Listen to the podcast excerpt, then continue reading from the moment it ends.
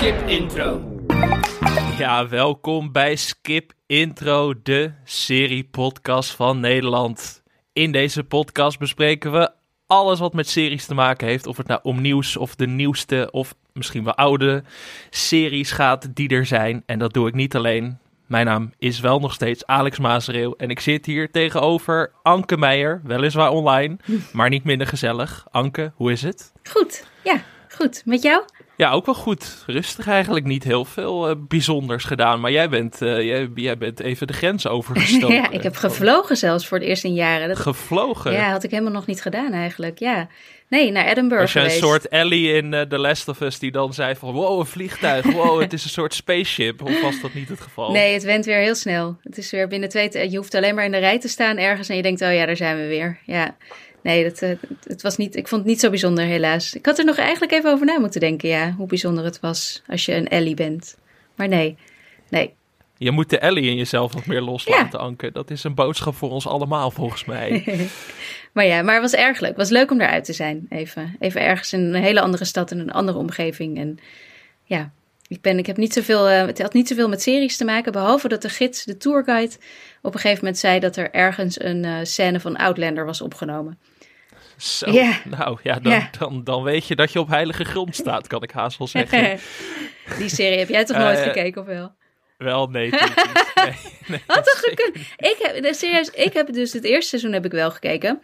En ik heb daar voor de correspondent nog een heel artikel over geschreven.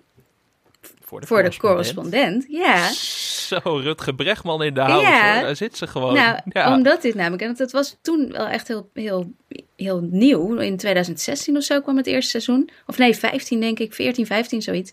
En wat zij deden was die male gaze omdraaien naar een female gaze. Dus het was natuurlijk heel erg een, een andere manier van het benaderen van, van eh, de seksscènes, van blootscènes.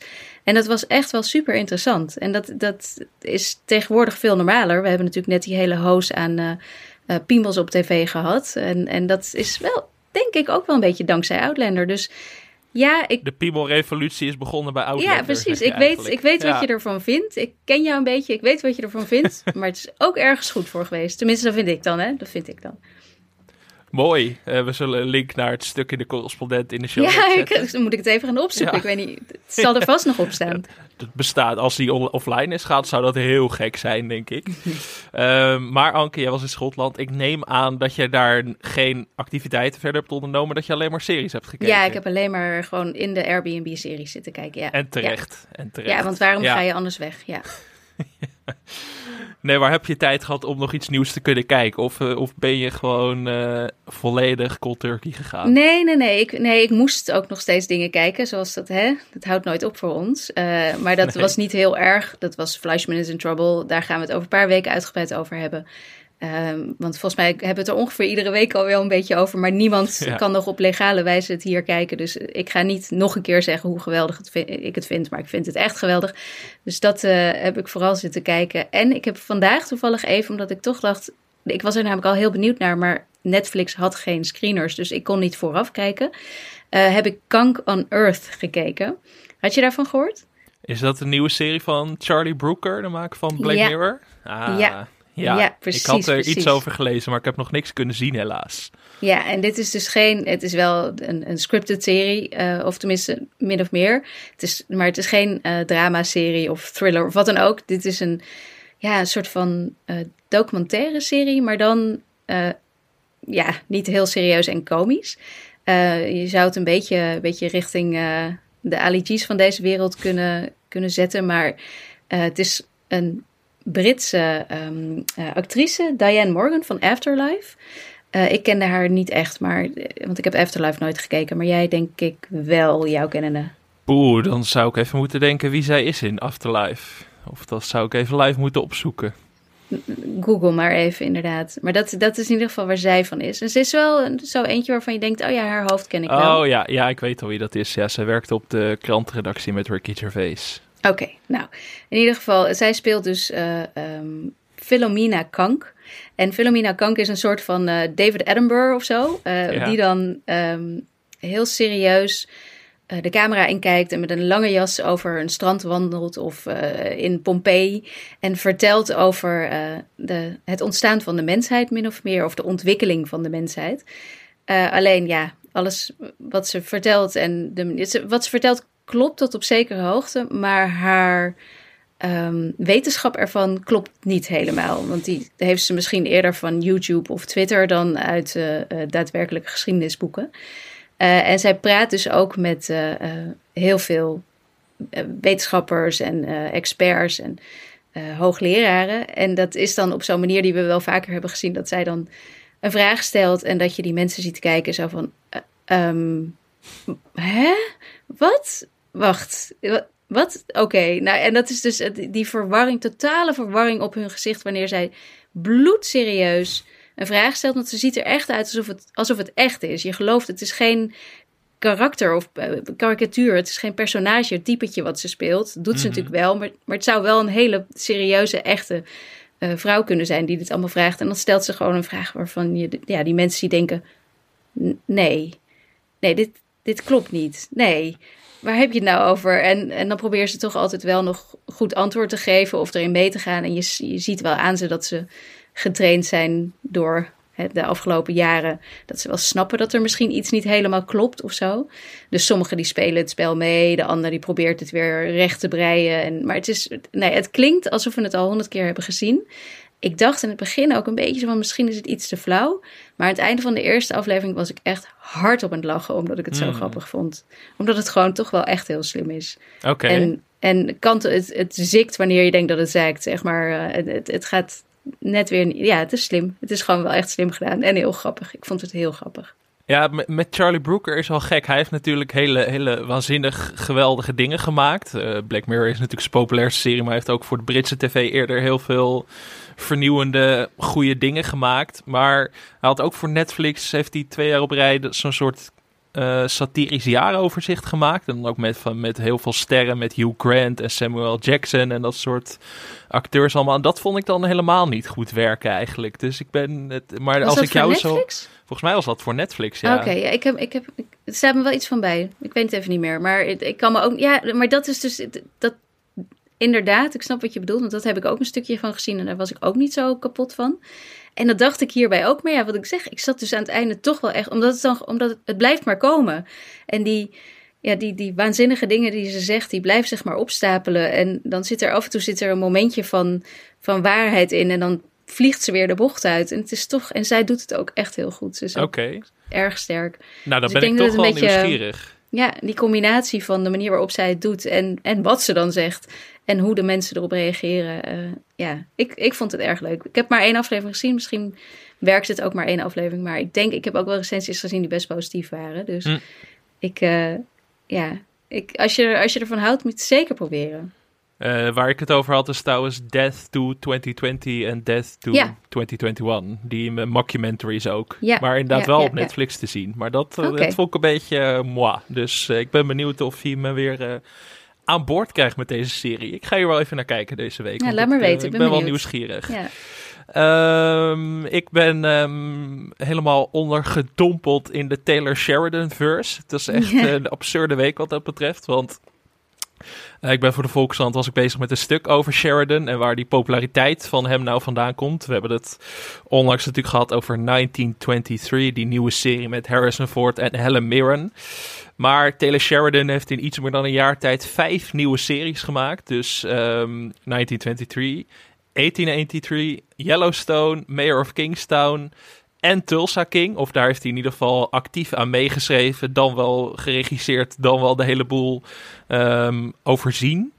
Dus ik, ik ben eigenlijk alles gaan kijken. Dus ik ben echt van, van 1883 naar, naar Tulsa weer terug en Yellowstone. En het is echt uh, poeh. En wat is de betere?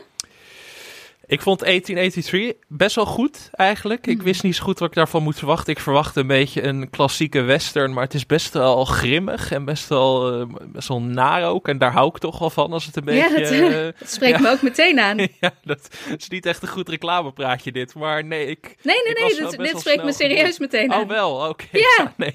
ik hou er wel van. Nee, maar het, het, is een beetje, het is echt vies en het, het wilde westen wordt soms als geromantiseerd, maar in die serie echt helemaal niet. Zeg maar, Amerika Amerika is daar een echt best wel een nare plek. En, en is dat nog een beetje die tijd waarop ze er echt naartoe trekken?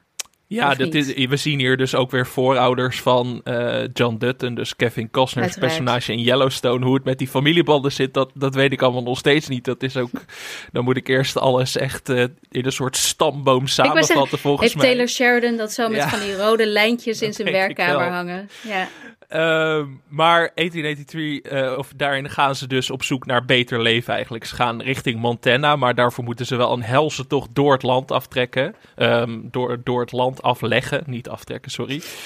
Um, en de hoofdrol in die serie wordt gespeeld door Sam Elliott. Sam Elliott, ja, ook een, wel een acteerlegende. We kennen hem, mensen zullen hem vooral kennen uit de Big Lebowski. Uh, waarin hij de Stranger speelde aan de bar natuurlijk.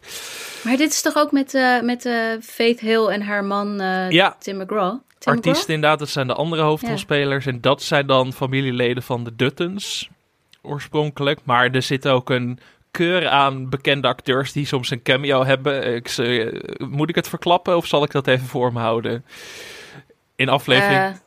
ik vind een cameo vind ik niet echt heel erg verklappen, toch? Nou, ik zat een beetje of, zo... Tenzij het echt shocking is, dan moet je het niet zeggen. Ja, nou ja, goed. Het is niet functioneel voor de plot. Dus mocht je het echt niet willen weten, moet je gewoon even 30 seconden doorspoelen. Maar ik zat naar die tweede aflevering van 1883 te kijken. En wie komt daar ineens het beeld lopen? Tom Hanks. En ik dacht echt, huh? wat, wat krijgen we nou? Oké. ja. Maar dat is dan blijkbaar een goede vriend van die Tim McGraw. En die had hem gevraagd van... hey, wil je gewoon even één scène komen opnemen als een soort... Uh, soort officier uit het leger uit de 19e eeuw. En dat wilde Tom Hanks wel doen. En hij heeft echt twee regels tekst en dan is hij weer verdwenen. En je denkt echt van... Het is echt een flex hoor. Zo het is even echt in je een serie Tom Hanks. flex. Maar ja. ja, dus ik zit gewoon naar al die Sheridan-series te kijken als zo, wauw, er gebeuren echt dingen hier waar we het echt niet over hebben. Maar het is toch wel vreemd eigenlijk als je er wat langer over nadenkt. Uh, ik, heb, uh, ik vond 1883 dan denk ik het beste. Al kom ik ook wel meer in Yellowstone. Dat is toch dat soapachtige melodrama. Dat, dat spreekt me toch ergens wel aan of zo. Ik vind het toch wel lekker ergens. Um, Mayor of Kingstown is ook wel een bijzondere. Dat is echt een hele grimmige, ook weer best wel nare serie ja, ehm, deze man is Taylor Sheridan is niet per se de vrolijkste volgens mij. Nee, het is niet iemand met wie ik gezellige biertjes zou gaan drinken. Geen maar. Ik, ik waardeer hem wel om zijn werk, want ik denk echt van gast, wat, wat, waar haal je de tijd vandaan om het ook nog best wel goed te maken allemaal? Ik bedoel, serie als Tulsa King is dan best wel, ja, is niet uh, vernieuwend of heel erg hoogstaand, maar wel gewoon ook nog vermakelijk, weet je wel. Het is ook geen, niet helemaal een weggooitje, maar dat Mayor of Kingstown heeft ook best wel ballen. Want ik zal niet verklappen wat er precies gebeurt. Maar in de eerste aflevering gaat een van de hoofdpersonages al dood. En dat is hmm. altijd. Uh, ja, vind ik toch wel ballen hebben. Ik zal niet verklappen wel wie van de hoofdpersonages het dan is. Maar ik dacht al van. Oh, oké, dit zag ik echt helemaal niet aankomen. Maar het is wel. Uh, ja, zo zit er. Jeremy Renner meteen. Ja, dat, dat ga ik natuurlijk niet verklappen, hè, Anke. Dat, uh, maar, hmm. maar zo zitten er de hele tijd dingen in dat ik denk, ja, in al die series zit wel iets dat me aanspreekt. En dat vind ik er toch wel tof aan. Dus um, heel veel Sheridan. eigenlijk, ja, het stomme is dat we hebben, we hebben dit al we weten dit al van elkaar, maar ik moet dus voor NRC ook een stuk over. Eigenlijk, dit stuk moet ik ook gaan maken. Dus ik, uh, ik, ik, zit hier ook alles nu mee te schrijven, oh, zodat ik ja, dat gaat, kan overnemen. Je gaat alles van mij jatten, ja. een soort race tegen Maar het is echt, ik weet niet of onze uh, redacteuren, chefs dan wel uh, luisteren. Want dit is dus niet, we hebben dit niet samen afgesproken, maar het is een beetje, ja, hij is gewoon overal, die Taylor Sheridan. Dus je kunt er ook echt niet omheen, inderdaad. Nou ja, ik, ik wilde dit stuk zelf eigenlijk al langer maken, maar zijn series waren ik nooit te zien in Nederland. Nee, precies, dus dat maakt het lastiger. Ja, we zitten gewoon te vaak op één lijn, uh, Anke. Dat zal het zijn. Maar, maar ja, ik eh, ga dus jouw stuk niet lezen voordat ik mijn eigen stuk heb geschreven. Ik weet niet wanneer het van jou uitkomt. Volgens mij komt mijn stuk uh, donderdag online. Dus, Oké, van mij zal pas volgende week zijn. Oké, ja, ik ga, dus ik... ga sowieso jou beschuldigen van plagiaat volgende week. Dat weet je, nee, maar het was ook wel lekker om me onder te kunnen dompelen in die Sheridan-series. Want het is verder een beetje armzalig, vind ik, qua nieuw aanbod deze week. Het is niet dat je denkt van, hé, hey, er zijn vier nieuwe series waar ik even naar moet gaan kijken. Nee, ik bedoel, Netflix, de top 10 stond weer vol met uh, nieuwe series die ik allemaal niet, waarvan ik niks had gehoord en die ik niet kende. Misschien moeten we daar een andere keer weer eens over hebben. Maar uh, um, ik, uh, nee, ik ben het wel met je eens. Ik ben blij dat ik mijn screeners voor Fleischman heb eigenlijk. Want het is, het is en ik mag dan nu ook Taylor Sheridan gaan doen.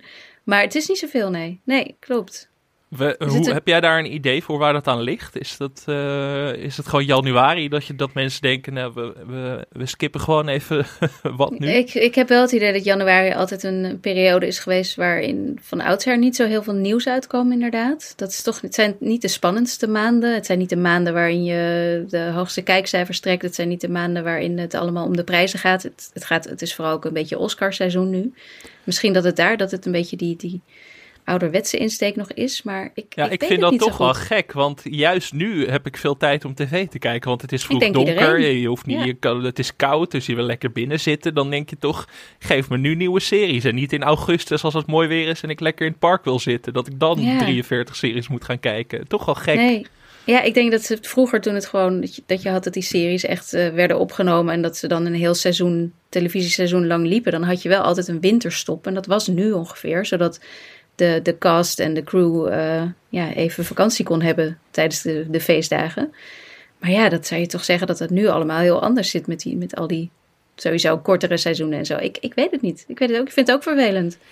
Ja, Wij dus waar dit moeten nu- wij het over hebben? Ja, We nou ja, zeggen dit terwijl echt deze week ja, een van van de de- alle, alle, allerbeste afleveringen van televisie van dit jaar is uitgekomen. Ja, en daarom wilde ik daar ook al naartoe. Want ehm, ja, zeker mijn tijdlijn, mijn Twitter-tijdlijn, mijn bubbel. Ja, ging helemaal wild op eh, de derde aflevering van The Last of Us.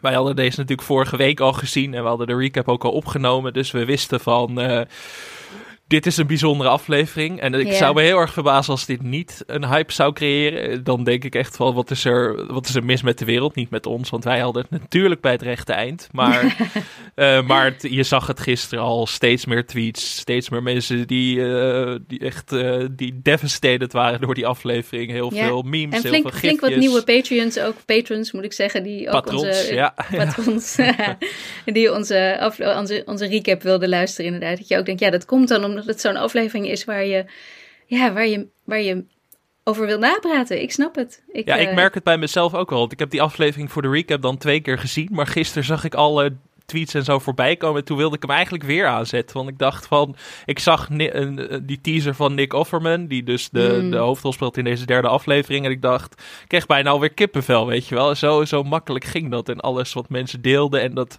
dat liedje ging ook weer heel erg goed ik wou zeggen, ik, ik kreeg ook zin om Linda Ronstadt te luisteren, ja. Ja, Ja, we zullen het nog niet al te veel spoilen voor de mensen die het nog niet gezien hebben. Maar daarvoor kun je dus ook luisteren naar onze Patreon recap. Maar dit was wel echt een fantastische aflevering. En we zeiden het in de recap ook al. eh, het zal me verbazen als dit eh, niet hoog in mijn afleveringen van het jaar gaat eindigen. Al dan niet de hoogste, want de lat ligt heel erg hoog naar deze aflevering. ja, ja, ik vond hem ook prachtig. Ja, En Nick Offerman. Dat ik denk, ja, Nick Offerman. Echt sowieso een van mijn favoriete acteurs. Maar ja, zo mooi in deze aflevering. Samen met Murray Bartlett. Dus bekend als eh, hotelmanager uit het eerste seizoen van The White Lotus. Die ook geweldig is. En ehm, we gaan ja die ik dus niet hebben. herkende. Die ik Die nog steeds niet... Nog steeds zie ik wel eens een foto en dan denk ik... Ja, ja, het is hem echt inderdaad. Het is ja. hem echt, ja.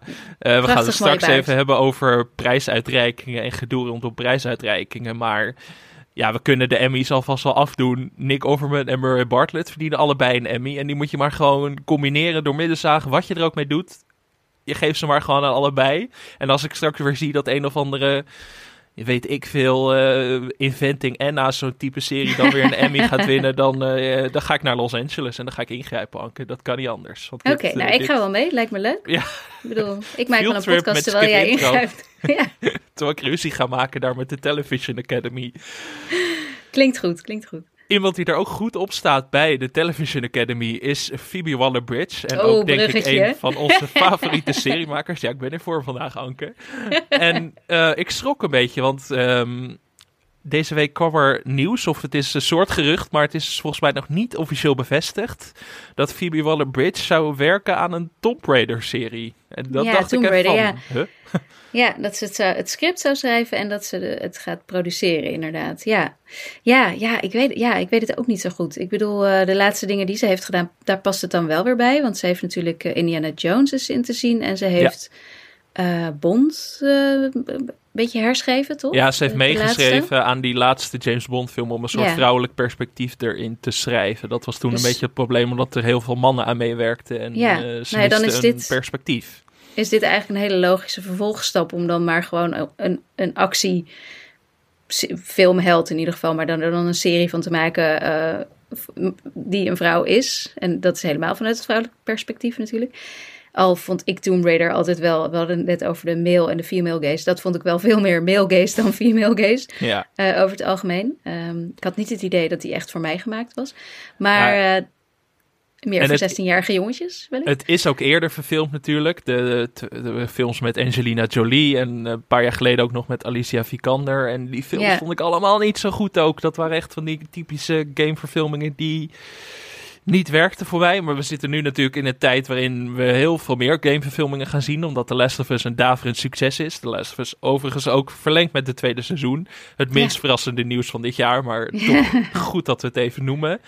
En dat gaan we natuurlijk terugzien. En ik kan me wel voorstellen dat, dat Amazon dacht van... hey, dat is een succes. Laten wij nu onze eigen The Last of Us gaan maken met Tomb Raider. Ik ben heel benieuwd van welke kant dit is gekomen. Of het, of het uh, Amazon was die dus Tomb Raider had eigenlijk de rechten daarvan heeft en, zei, en dacht, wie kan dit voor ons maken? Uh, want Phoebe Waller-Bridge heeft een, uh, um, een deal met Netflix, of met, hè, met Amazon, niet met Netflix, met Amazon. Uh, wat ik ook nog steeds wel heel, heel verrassend vind hoor. Want ik vind Amazon nou niet uh, de meest uh, sexy plek nog steeds. Maar ja, zij zit er wel. Dus wat dat betreft. Ja, en ze werkte eerder met, met Donald Glover, de man die ja. Atlanta gemaakt heeft, aan een ja. serie gebaseerd op Mr. Mr. Smith. De, die film ja. met Brad Pitt en Angelina daar Jolie ik, uit de jaren Daar nul. had ik dus wel zin in eigenlijk. Daar had ik ook zin in. Maar volgens mij is zij daar uitgestapt omdat ze creatieve meningsverschillen had met Glover. Dus dat is. Ja, dat wil je echt niet horen. Hè? Nee van alsof uh, papa en mama toch elkaar niet leuk vinden. Nee, ja. toch een soort scheiding die je niet wil. ja. Maar ja, deze heeft die deal met Amazon, dus ja, ze moet nu ergens ingezet worden. Maar, maar zeker als zij na dus Fleabag, degene is, als zij degene is die heeft bedacht die naar Amazon ging en zei: Ik wil Tomb Raider maken, Ja. ik wil daar een serie van maken. Dan ben ik bij voorbaat al helemaal uh, enthousiast. Dan wil ik het direct zien. Als het andersom is, dan ga ik natuurlijk nog steeds kijken en ben ik erg benieuwd. Maar dan, ja, weet ik, ik, ik weet het niet. Ik, ben, ik bedoel, Fleabag is, uh, is briljant en een van de beste dingen die ik ooit heb gezien. Uh, en uh, Killing Eve was natuurlijk ook niet heel slecht, hè? Dus uh, is dat wel... eerste seizoen was niet heel slecht. En daarna ging Dat het wel is- echt het ravijn in. Laten Maar dat, is, haar, dat is haar seizoen. Dat Daarna haar heeft seizoen, ze daar ja. eigenlijk niks meer aan gedaan. Nee. En dat is haar seizoen. Dus ja, ik, ik wil wel vertrouwen op Phoebe Waller-Bridge en zal haar eh, overal heen eh, eh, volgen. Maar ja, ik, ik Tomb Raider, ik weet het niet. Ik weet het niet. Ik ben, ik ben sceptisch, maar dat, dat is vaker afgestraft. Dus ehm, misschien gaat het waanzinnig goed zijn en zit hij weer over twee jaar elke week Tomb Raider te recappen. Ja. Dat zou me ook niks verbazen. Het is de beste aflevering van dit jaar.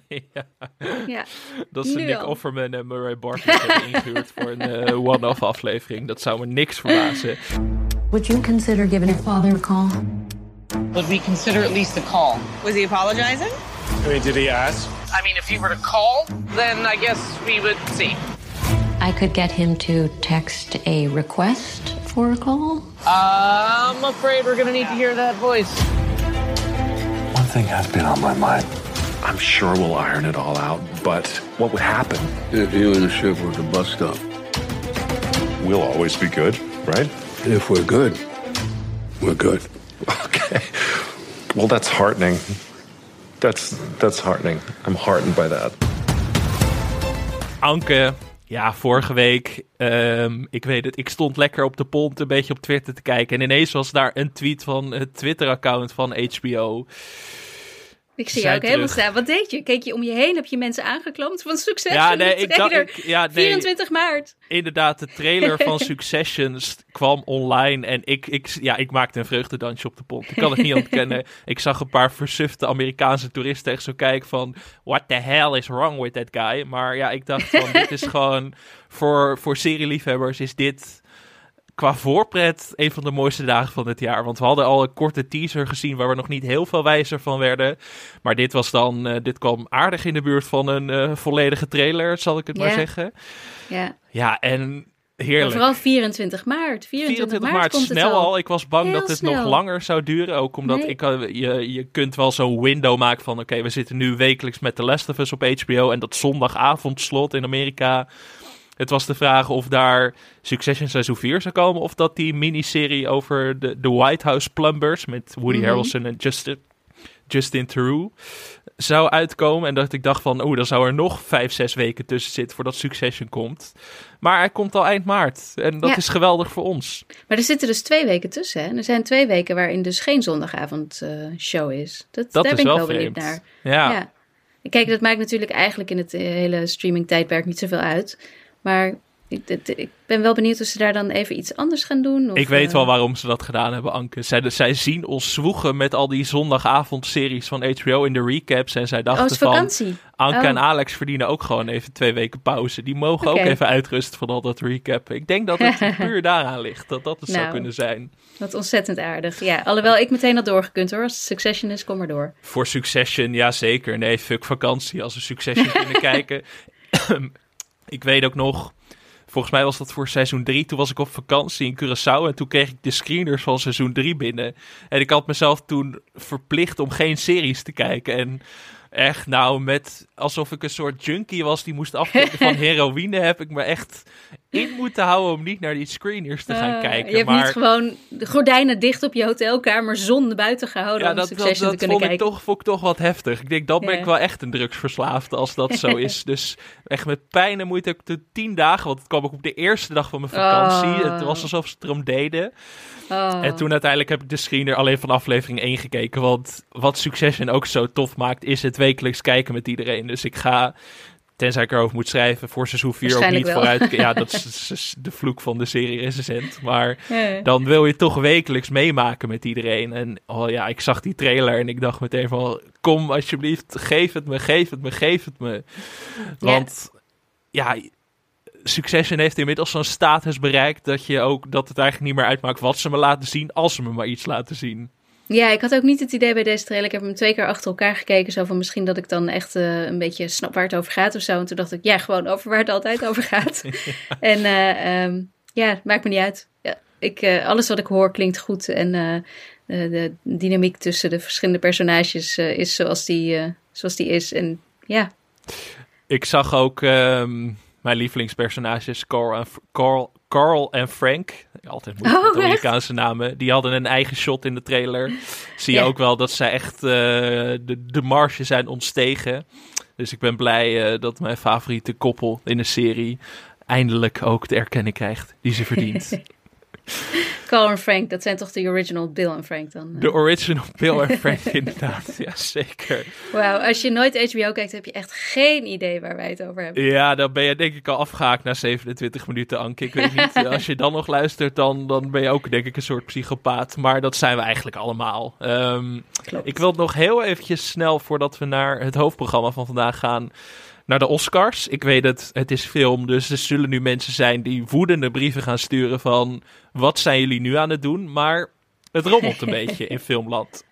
En dan vooral in het prijzenland. Want ehm, vorige week, wij waren net klaar met opnemen. Toen ben ik snel naar Ja. de bank gerend om de aankondiging van de Oscar-nominaties te gaan bekijken. Ik baalde wel een beetje dat we ze niet mee hadden genomen. Nee, ik eigenlijk ook. Maar ja, toen, ja, nou goed, hè, soms eh, je moet je verlies nemen in sommige gevallen.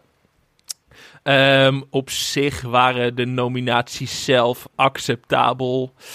Eh, ik had gehoopt dat Babylon, mijn lievelingsfilm van dit jaar, en door heel veel mensen gehaat, maar Ik vind het echt, ik ga die film echt kijken. Ik ben zo benieuwd in welk kamp ik val, inderdaad. Ja, dat is echt, zeg maar, je hebt daar echt vijf Hate sterren of twee love. sterren. Het is echt Ja. Hate It or Love It, maar dat is Ja. een nieuwe film van de regisseur van Whiplash, La La Land en First Man. Ehm, ja, en ik vond die film geweldig. Ik ben echt lang Maar hij is niet zo blij. genomineerd, hè? Hij is niet genomineerd, nee. Maar ik ben lang niet zo blij de bioscoop uitgelopen als na het zien van Babylon. Dus echt, wat mij Ah. betreft, een meesterwerk. En ook typisch zo'n film die over 10, 15 jaar eh, wordt gereclaimed als klassieker die niet erkend werd in zijn tijd. Ja, dat, dat, dat zeg kunnen, dat staat nu, omdat ik hem nu herken. Dus dat ik over 15 jaar die credits kan claimen, hoop ik. Als ik daar als, ehm, wat ben, dan ben ik al een veertiger in deze podcast zit met jou. En dat, eh, ben ik al een veertiger. Kijk uit wat je zegt. ik pas op dat ik dat toch die film kan claimen. Maar verder, ja, eh, als we naar beste film, eh, we kijken dan even naar beste film, All Quiet on the Western Front. Een hele middel, nou gewoon prima oorlogsfilm op Netflix. Ik snap niet waarom die een Oscar-nominatie heeft, maar goed. Oorlogsfilms. Ja, dat. Avatar, The Way of Water, The Banshees of Sharon, geweldig film. Elvis, Everything, Everywhere, All at Once. Ook een film die de gemoederen flink bezighoudt. Want dat is, gaat ook van 1 tot 5 sterren in mijn tijdlijn. The Fablemans, de nieuwe film van Steven Spielberg. Tar. Vindt ook niet iedereen even leuk, geloof ik. Vindt ook niet iedereen even leuk. Nee. Tar, ook een waanzinnig Mm. goede film die vanaf eh, maart pas bij ons in de bioscoop draait. Vraag me niet waarom.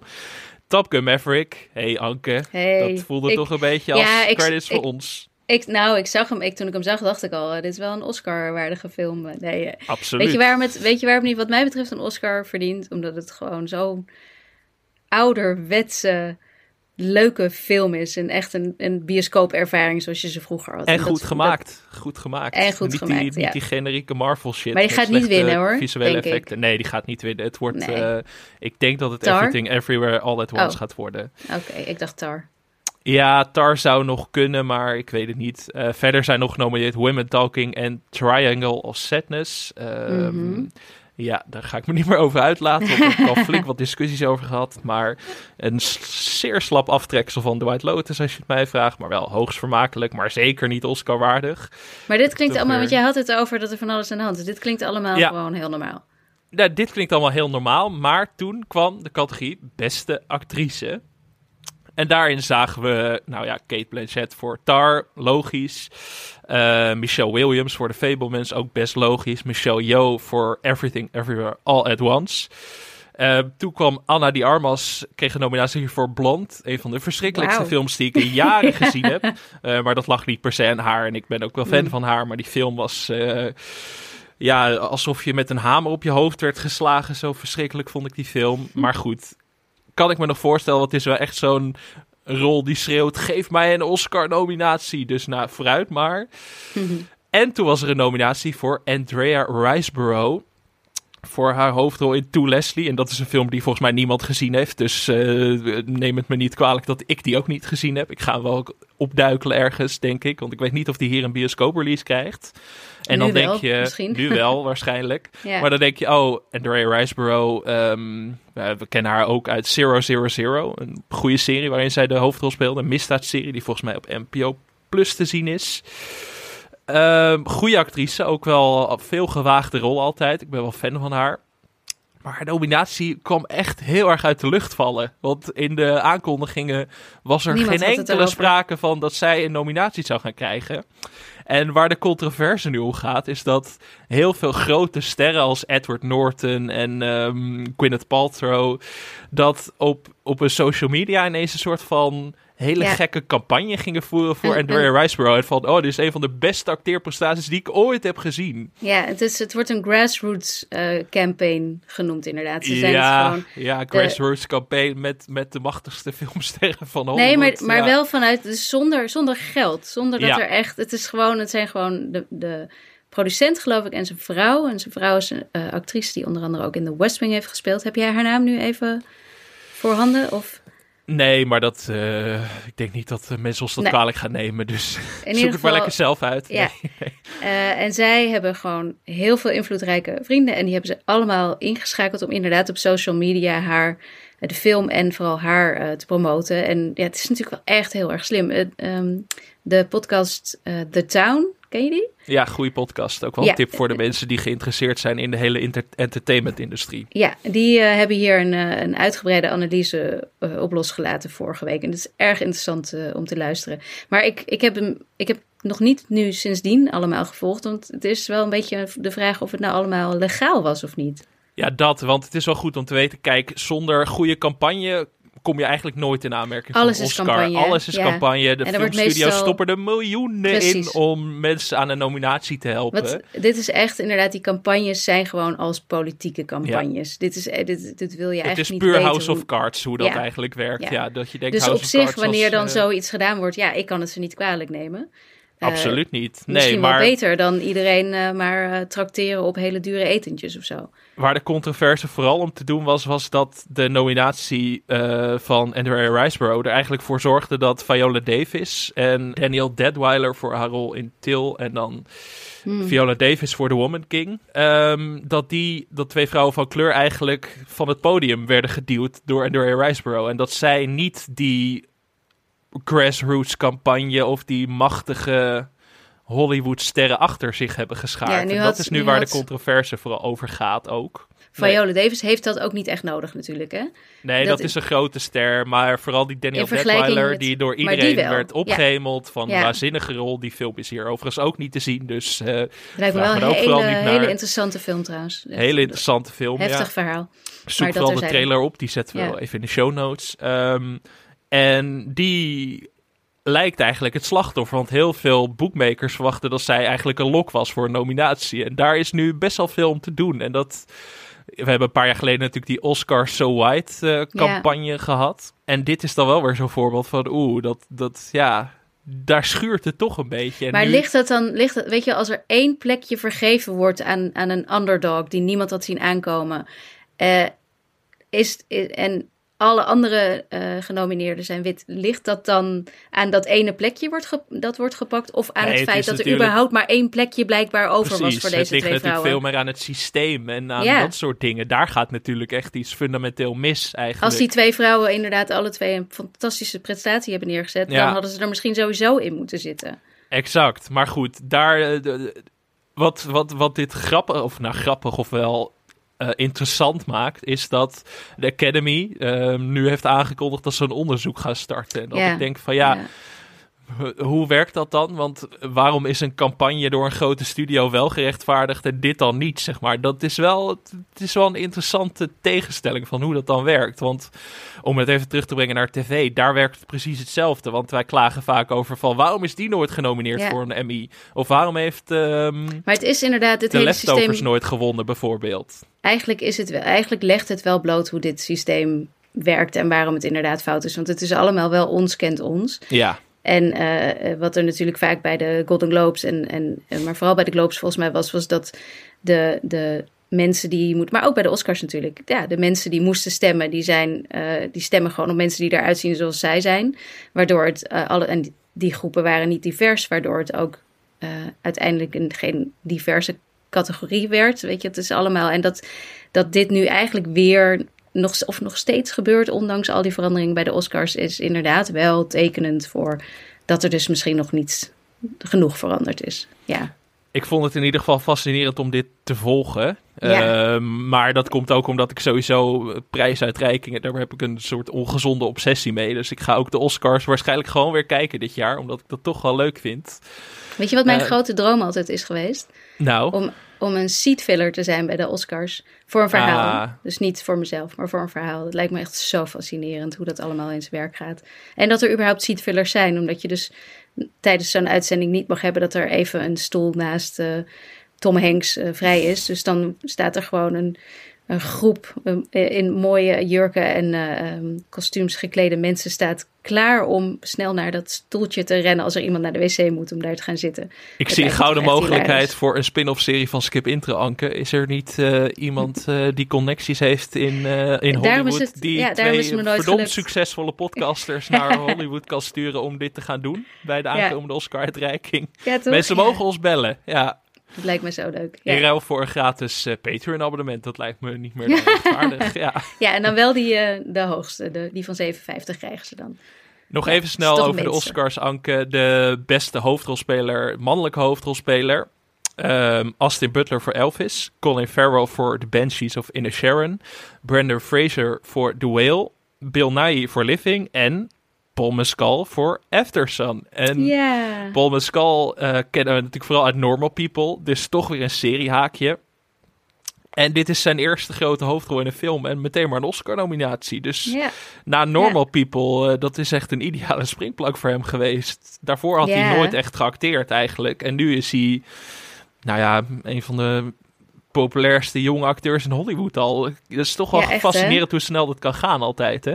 Hij was ook wel echt ontzettend goed en ja, innemend in die serie natuurlijk. Het was wel echt, ik denk dat iedereen was verliefd op hem. En zijn, ehm, zijn, zijn kettingje, zo'n zo'n iets wat lelijk ordinair kettingje, Ja. eh, had zelfs zijn eigen Instagram-account. Dus eh, ja, het- het- als je zoveel teweeg kunt brengen, dan, dan heb je het ook wel, zeg maar, die X-factor. Hè? En ik, vind het, ik vind het wel tof. Ik vind het heel tof. Ik ben ook erg benieuwd naar die film. Daar speelt hij een jonge vader in, toch? Ja, Ik Ja. heb hem ook nog niet gezien. Hij is ook nog niet uit in Nederland. Eh, Uiteraard, dat uiteraard. geldt voor heel veel Oscar-films. Maar je zult eh, toch maar over film schrijven? Dat is nog veel frustrerender dan series. Ben je de hele tijd aan het wachten totdat ze uitkomen? ik doe het allebei, Anke. En dan ook nog over lineaire televisie. Dus ik heb eh, wat een heerlijk pakket. Maar Normal People, mocht je dat nog niet gezien hebben, Paul Mescal speelt daarin dus de hoofdrol. En Normal People is vanaf 2 februari te zien op NPO Start weer. Ja, ja. Volgens mij was hij al wel ergens te zien, maar misschien Dus wel ja, op, een, ongetwijfeld. Ja, op een andere... Misschien als mensen hem nog niet daar hebben kunnen zien, dan staat hij nu op eh, NPO Start. En volgens mij hebben veel mensen dat. Dus Als mensen dat nu thuis gaan uitzoeken, dan maken wij tijd om terug te keren naar de jaren 90. eh, naar mijn geboortemaand, naar juli 1995. Ja, ja, zeker, want we gaan het hebben over That 90 Show. Well, I have to make a shopping list. The kids are gonna want snacks. Don't feed them, kitty. That's how it started the first time. I am going to get Fritos, Tostitos, Doritos, all the Doritos. I am back, baby. Son of a bitch. Bang now! Down the streets! I got it. Hey, Grandma. Hey, Grandpa. Leia. Tell me about Chicago. What are you into? I'm a pretty big deal in debate club. That's not up for debate. Yeah, I'm not popular. Het is wel grappig, Anke. Ik dacht, eh, we hebben weinig te bespreken vandaag en we zitten op 40 minuten en we zijn nog niet eens aan het hoofdprogramma toegekomen. Dus Oh, ik weet sorry, ook niet wat mensen. hier gebeurd is. Maar nou ja, hè, we maken het nu toch allemaal zelf we uit. hebben, we dus hebben maakt niet elkaar ook uit. al een week niet meer gezien, Alex. dat Dat, krijg zijn. je. Je gaat van drie, vier keer per week naar, naar niet. Dan, dan, gaat, dan krijg je dit. Kan niet, hè? En dat, Kan eh, de niet, luisteraars nee. daar slachtoffer van. Schandalig. Maar goed. Dead 90 Show. Ja. Ehm, Ja, waarom en- wilde jij het daar toch over hebben, Alex? Want jij bent op de radio geweest onlangs en toen heb je hem volgens mij een beetje met de grond gelijk gemaakt. Nou, dat ook weer niet. Maar goed, Dead 90 Show is een reboot of een soort voortzetting, eh, reboot van Dead 70 Show. Een zeer populaire comedy-serie uit de jaren 90 en de jaren 0. Volgens mij ben jij daar ook best wel, of was jij er altijd best wel fan van? Als ik, eh Ja, dat ja, hoorde ja. ik in de wandelgangen in ieder geval. heb ik jou verteld? Ja. Heb jij mij verteld.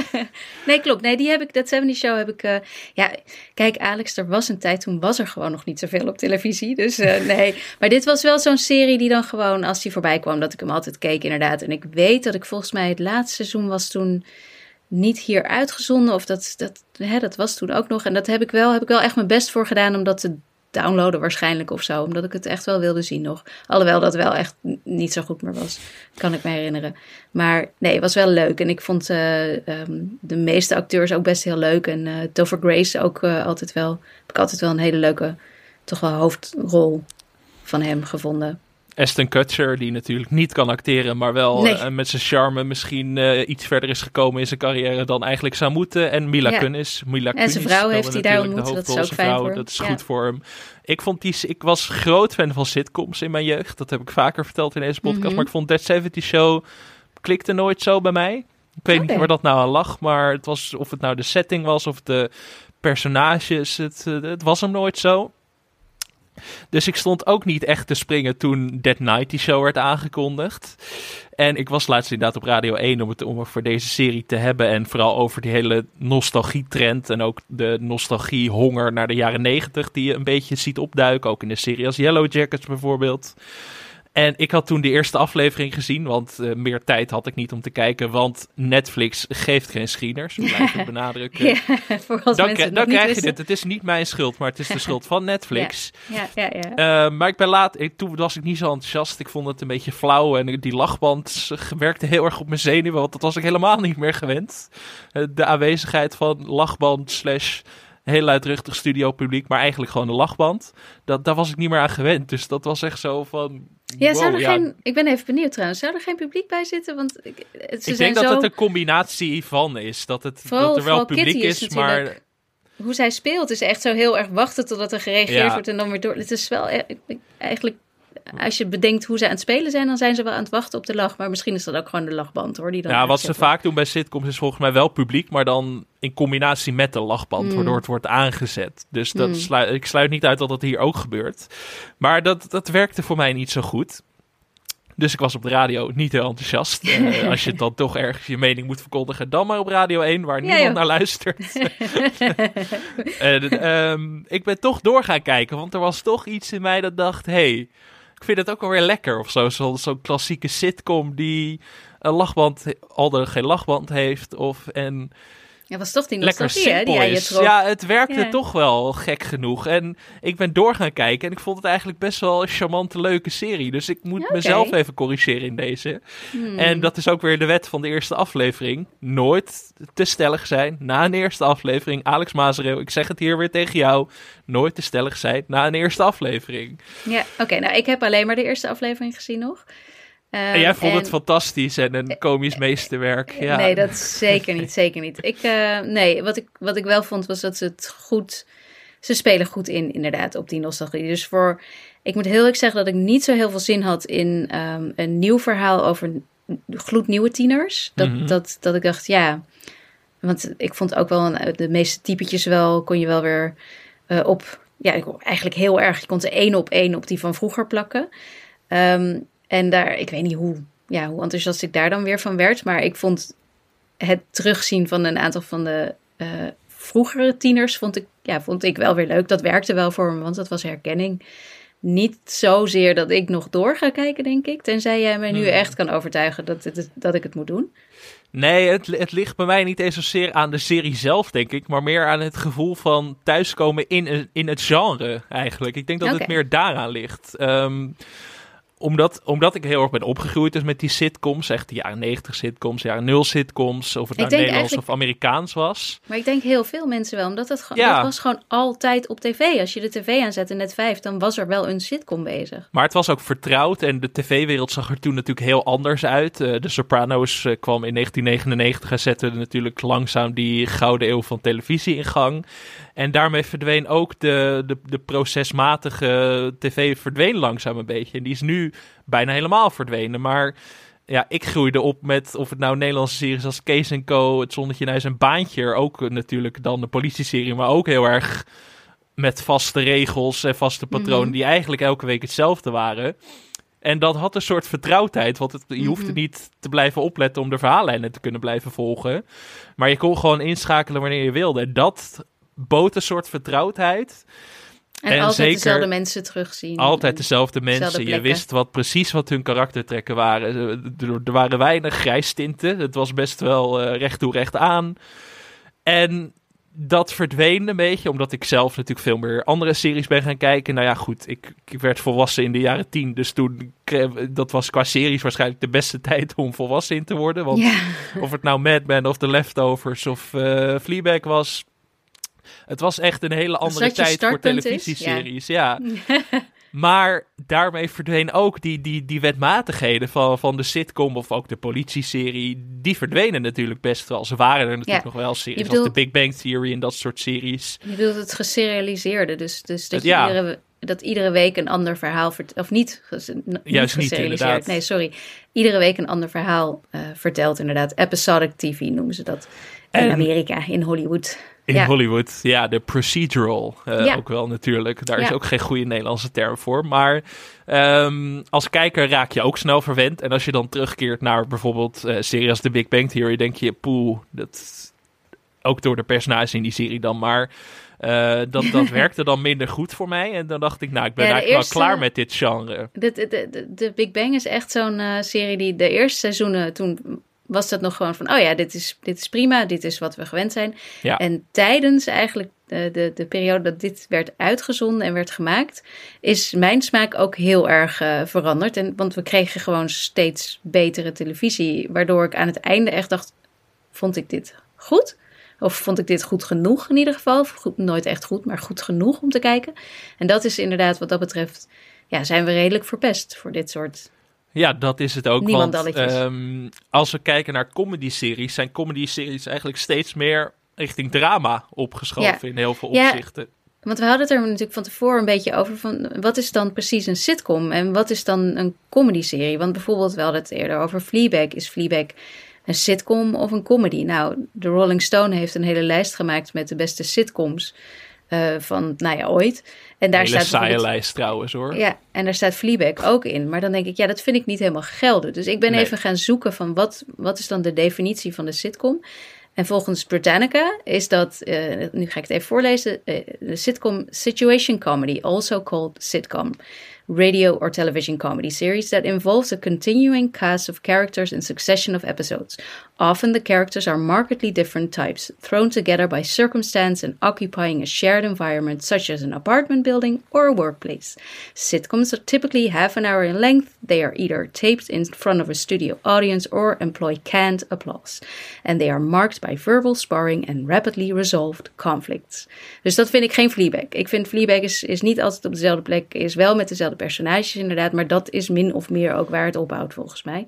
Ja, en, het is en niet zo... ook series als Atlanta en Master of None zijn ook meer dramedies dan echt comedy-series of ja, sitcoms. Precies, ja, precies. En ik heb inderdaad, wat je volgens mij net begon te zeggen, eh, wel het idee dat het de afgelopen jaren, dat de sitcom een, een beetje het veld heeft moeten ruimen voor dat soort ja, avontuurlijkere comedy-series, waarin je inderdaad ook zomaar opeens een hele dramatische aflevering kan hebben en waarin meer wordt gedaan dan eh, ja, iedere aflevering dus een, een, een conflict opgelost. Er wordt een probleem opgeworpen ergens in de, in de, de eerste paar scènes. En daarna wordt het, eh, komt er, ontstaat er nog een misverstand. En dan wordt het allemaal weer opgelost. Dat is eigenlijk een beetje hoe de sitcom in elkaar zit. En dat, ja, dat hebben al die, die Hex en Mo en Rami, die hebben dat allemaal niet meer. Nee, daar zitten dus die grijstinten wel veel meer in dan in sitcoms. Ja. Maar ook zelfs binnen de sitcom kun je eigenlijk meerdere kanten op. Want aan de ene kant heb je de echt klassieke, ze noemen dat eh, de multicam eh, sitcom volgens mij. Ja, Dus dan echt ja. dat het echt een paar sets zijn en dat daar een paar ruimtes zijn waar dan camera's op staan. Ja, drie camera's Heel- is het Drie ik. camera's inderdaad. Dat is dan Everybody Loves Raymond, eh, King of Friends. Queens, Friends. Friends, inderdaad. Allemaal dat soort series. Maar aan de andere kant heb je ook eh, een paar van mijn favoriete comedy-series. Als de Amerikaanse The Office, Parks and Rec, Schitt's Creek. Dat zijn dan weer, ehm, ja, hoe noemen ze dat dan? Single-cam sitcoms meer. Dus dat is heel anders gefilmd. En dat is niet eh, met die vaste sets, maar op een hele andere manier gefilmd. En ook zonder lachband vaak. Eh, in dit geval allemaal zonder lachband. En Ja. daar, is- dat, maar dat zijn ook sitcoms, want The Office eh, ja, is een sitcom, want het is op een kantoor. En Parks and Rec is op een Ja, deel van comedy. het gemeentehuis. En het is een vaste groep personages. Dus dat is dan wel weer een sitcom. Ja, ja, Dus het is ook wel grappig hoe binnen dat genre ook weer je meerdere kanten op kunt eigenlijk. Terwijl voor mijn gevoel is een sitcom echt is Amerikaans. En inderdaad, eh, dat je heel erg sterk dat gevoel hebt van dit, dit is gewoon zo'n set en daar zit publiek bij. Ja. En daar staan de camera's en je kunt, er, er is geen vierde muur in deze kamer, want ja, daar staan de camera's. Dat, dat gevoel. Dat is voor Ja. mij toch wel de sitcom, zeg maar. Ja, dus ook series als Veep en Curb Your Enthusiasm vallen daar veel minder goed Nee. onder. Dat is dan Nee. eigenlijk weer een heel ander genre. Comedies dat- eigenlijk. Dat, dat, dat omschrijf ik als comedy inderdaad. En dat is dan meer misschien de, de comedy zoals je vroeger eh, filmcomedies had, zeg maar. Ja, Ik, ja, de- dat, dat is wat mij betreft wel. En dat heeft die Rolling Stone lijst heeft dat dus helemaal niet. Die zet alles door elkaar. Wat ik dan erg verwarrend vond. Maar, en dan bijvoorbeeld, ze hebben de Simpsons op één. Nou, Simpsons vind ik dan weer wel, daar, daar heb je geen camera natuurlijk. En geen live publiek. Maar dat vind ik wel weer veel meer kloppen. Dat vind ik wel weer, dat, dat is gewoon een getekende sitcom inderdaad. Maar ja maar die, ro- lijst van Rolling Stone, Anke. We, we zullen de link ook even delen in de show notes. Maar ik zag Shit's Creek staat op 100. En dan denk ik al, ja, nee, kom op. Shit's Creek is echt beter dan dat. Dat staat veel te laag. En in die top 10 staan heel veel series ook. de- dat ik denk, oké, boomerville. eh weet je wel, lekker, lekker je boomer mening door. Dat stond er, MASH en zo, dat soort dingen. Ja, oh, MASH dat- natuurlijk wel. I Love Lucy en zo. Het is allemaal. Maar die zijn wel heel goed, ja, hoor. Die zijn goed, ja. Maar, Maar die heb ik vroeger ook allemaal gekeken, want die werden gewoon hartstikke vaak herhaald. en Eh. ik vond MASH echt wel tof hoor. Alhoewel MASH ma- dus ook niet echt, voelt ook weer niet helemaal sitcom alhoewel het dat wel was waarschijnlijk. Maar Mocht van mij wel iets diverser in jaartallen in ieder geval. Laat ik het daarop houden in ieder geval. Dus even Dat een eh, vingerwijzing naar Rolling Stone. naar de boomers. Namens de famous Dutch podcast Skip Intro. Ehm, maar om het even terug te brengen naar Dead 90 Show. Ehm, de serie drijft vooral op, op Kurtwood Smith en Deborah Joe Rupp natuurlijk. De, de terugkerende personages die ook weer hoofdrollen hebben in deze serie. En echt geval, precies eh, hetzelfde doen. Ze zijn ook niet echt veranderd, Nee. bijna voor mijn gevoel. Eh, maar dat, dat vond ik het beste eraan werken. Vond ik wel. Ik weet niet hoe jij dat had in de eerste aflevering. Ja, dat was ook wel eh, vertrouwd. Ik moet zeggen dat ik, ik had het idee dat hij eh, altijd wat beter was. Ik vond hem nu niet zo Hmm. scherp als dat hij was. Oh, dat Of vond ik in latere afleveringen trouwens wel. Dan Misschien moet hij hij er een beetje in komen. Dat Even ook weer, het is een soort oude jas die je aantrekt en die eh, waar een beetje stof op zit en die even in de was had gemoeten eigenlijk. Dat geldt ook voor een sitcom. Ja. Maar dat gevoel van, van thuiskomen, hoe had jij dat dan? Was er, was er niks in jou dat dacht van, hé, hey, dit is een tijd van tv waar ik eigenlijk wel naar terug verlang? Of was het juist zo van, nee, hier, ik ben dit ontgroeid? Ja, ik denk wel echt dat laatste. Ik, ik, ja, ik zie mezelf ook inderdaad niet meer eh I Met Your Mother kijken of, eh, of Friends zelfs. Ook al heb ik daar e- echt... Je wil niet weten hoe vaak ik Friends gekeken heb. Ik heb hele seizoenen die... Ja, hoe vaak dat dan wel niet tijdens het eten gewoon even opging, omdat er even niks anders was. En ik, ik kan me nu toch niet helemaal voorstellen dat, alhoewel waarschijnlijk als er eentje opstaat ergens, dat ik toch weer aan het kijken ben en dan weet ik wat er gaat gebeuren en vind ik het alsnog weer leuk. Maar, maar om dan bij, bij dit, bij zo'n Dead 790 sorry, show, ik, ja, om daar nou echt in te gaan investeren, ik weet het niet. Weet Nee. het niet. Nee, ja, ik heb natuurlijk altijd mijn dagelijkse traditie dat ik voor het slaap gaan altijd comedy-series aanzet. Maar dat zit dan ook meer in de. Ik ben nu eh, Parks and Rec weer aan het herkijken De voor de zoveelste keer. De klassiekers, inderdaad. Ook omdat dat ook een soort vertrouwdheid heeft. Maar dat is dan inderdaad weer binnen dat sitcom-genre net een andere, ander iets dan de vertrouwde sitcom. Ja, want wat ik bijvoorbeeld wel echt eh, heel leuk vind, daar hebben we het vaker over, is Abbott Elementary. En eh, ik, ik vond de recente, wat ik net noemde, Mo op Netflix ook hartstikke tof. Ehm, en dat, ja, dat valt ook wel in het comedy-dramedy eh, genre. Ab- Abbott Elementary is wel meer comedy echt.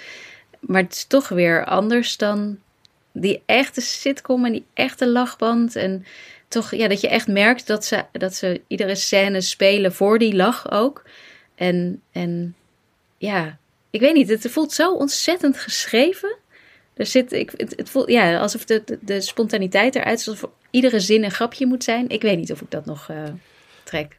En toch, Anke, denk ik dat we een opleving daarvan gaan Ja? zien de komende jaren. Sowieso meer traditionele tv in, in algemene zin. Ja, dat wel, en dan ja. moeten we het even hebben over een serie die hier nog niet legaal te zien is. Maar Nee.